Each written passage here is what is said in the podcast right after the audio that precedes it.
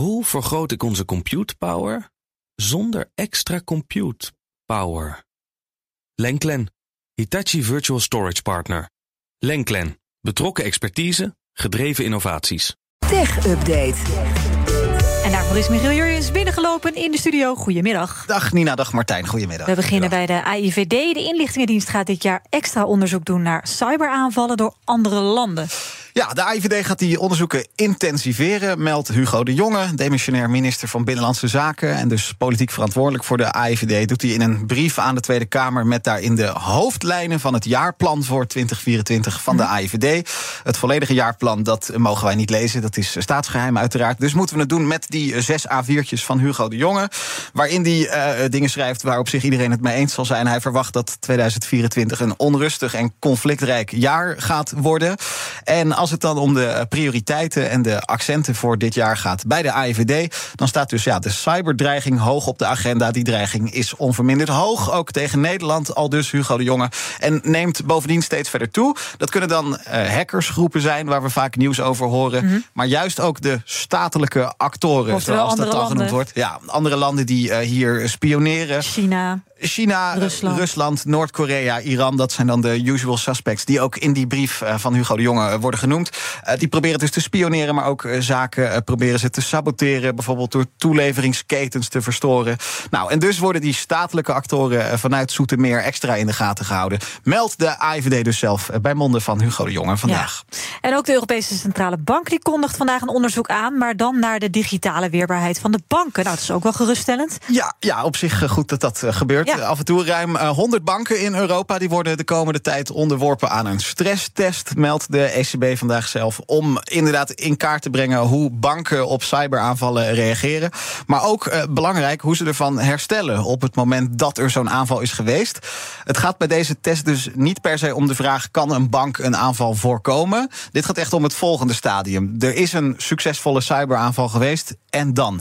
Uh, hoe functioneel zijn de noodprotocollen die dan in werking worden gesteld? Hoe lang duurt het voordat een bank zijn dagelijkse werkzaamheden weer kan opstarten? En hoe gaan ze dit doen? Gaan ze even ING platleggen zodat wij even niet kunnen pinnen? En dan dat, maar de jongens, dames en heren, dit is een test. Ja, ja, ja dat, dat, moet een beetje, dat moet een beetje blijken de komende tijd. Um, ik denk niet dat het zo zal zijn dat eh, banken er echt zomaar uit liggen en dat dat dan maar misschien wel een onderdeel is geweest.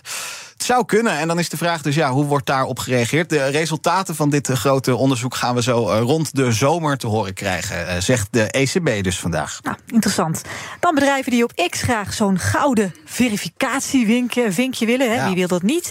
Die krijgen ik... plotseling, want daar moet je voor betalen, 80% korting. 80%. Ja, er zijn heel veel bedrijven die dat niet willen. En ik denk dat dat er ook mee te maken heeft. Vroeger, toen X nog Twitter heette, toen was het overzichtelijk. Hè? Je had gewone profielen en je had profielen met zo'n blauw vinkje die dan geverifieerd waren. Zo'n blauw vinkje kan iedereen sinds een tijdje krijgen als je maar betaalt. En voor organisaties is er sinds een paar maanden dan een gouden icoontje. Dat noemen ze bij X dan het Verified Organizations abonnement. Tot voor kort moesten bedrijven daar, let wel, 1000 dollar per maand voor neertellen. Nou, je begrijpt, dat gebeurt niet zo heel veel. Er zijn wel echt eh, grote bedrijven die het doen uh, waarvoor 1000 dollar per maand niet zoveel is. Maar het gebeurt niet veel.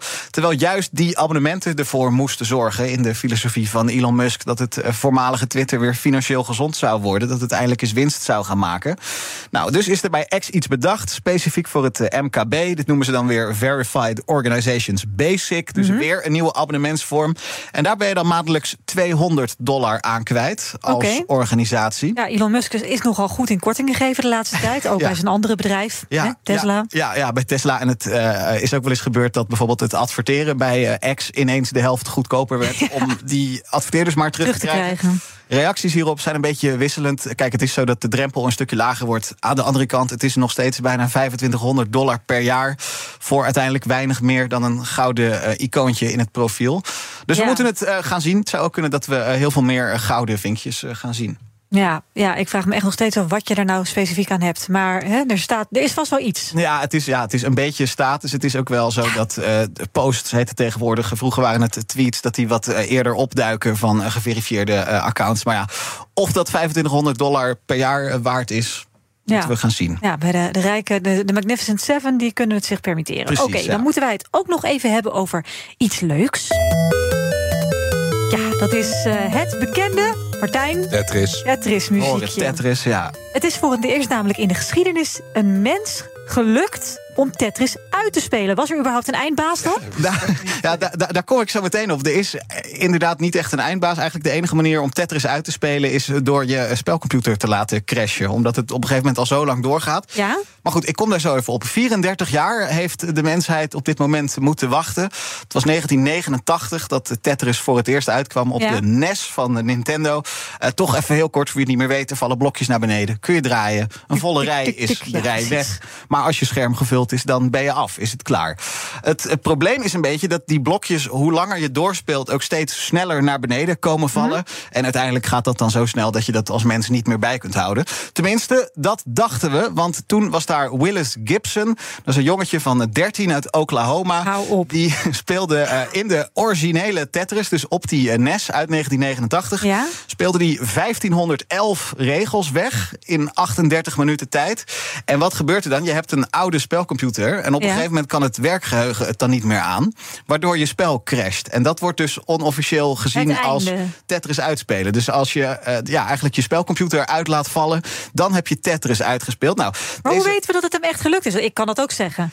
Ehm, nou ja, eh, hij filmde zichzelf eh, terwijl hij dit deed. Dus je, je kan op YouTube een heel filmpje Oh. zien, 38 minuten lang. En je ziet ook dat hij echt vliegensvlug, er komt zo'n blokje tevoorschijn. En voordat je met je ogen kunt knipperen, heeft hij, die hij al? Heeft hij die al goed gedraaid en op de goede plek laten Maar hij deed neerkomen. het met zijn vingers aan de achterkant van Ja. dat ding of zo. Heel Ja. raar zat hij erop te hakken. Ja, we dachten dit, dit, dit kan niet. Maar er zijn dus ja, allemaal nieuwe, nieuwe manieren bedacht door gamers... om toch heel snel die blokjes te kunnen draaien.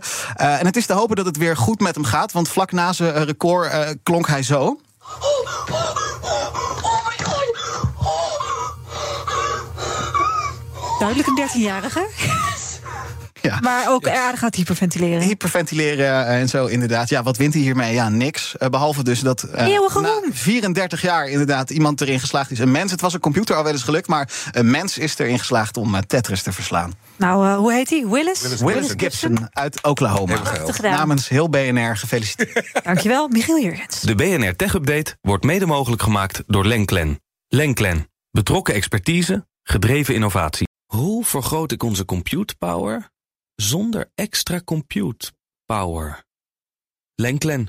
Hitachi Virtual Storage Partner. Lenklen. Betrokken expertise, gedreven innovaties.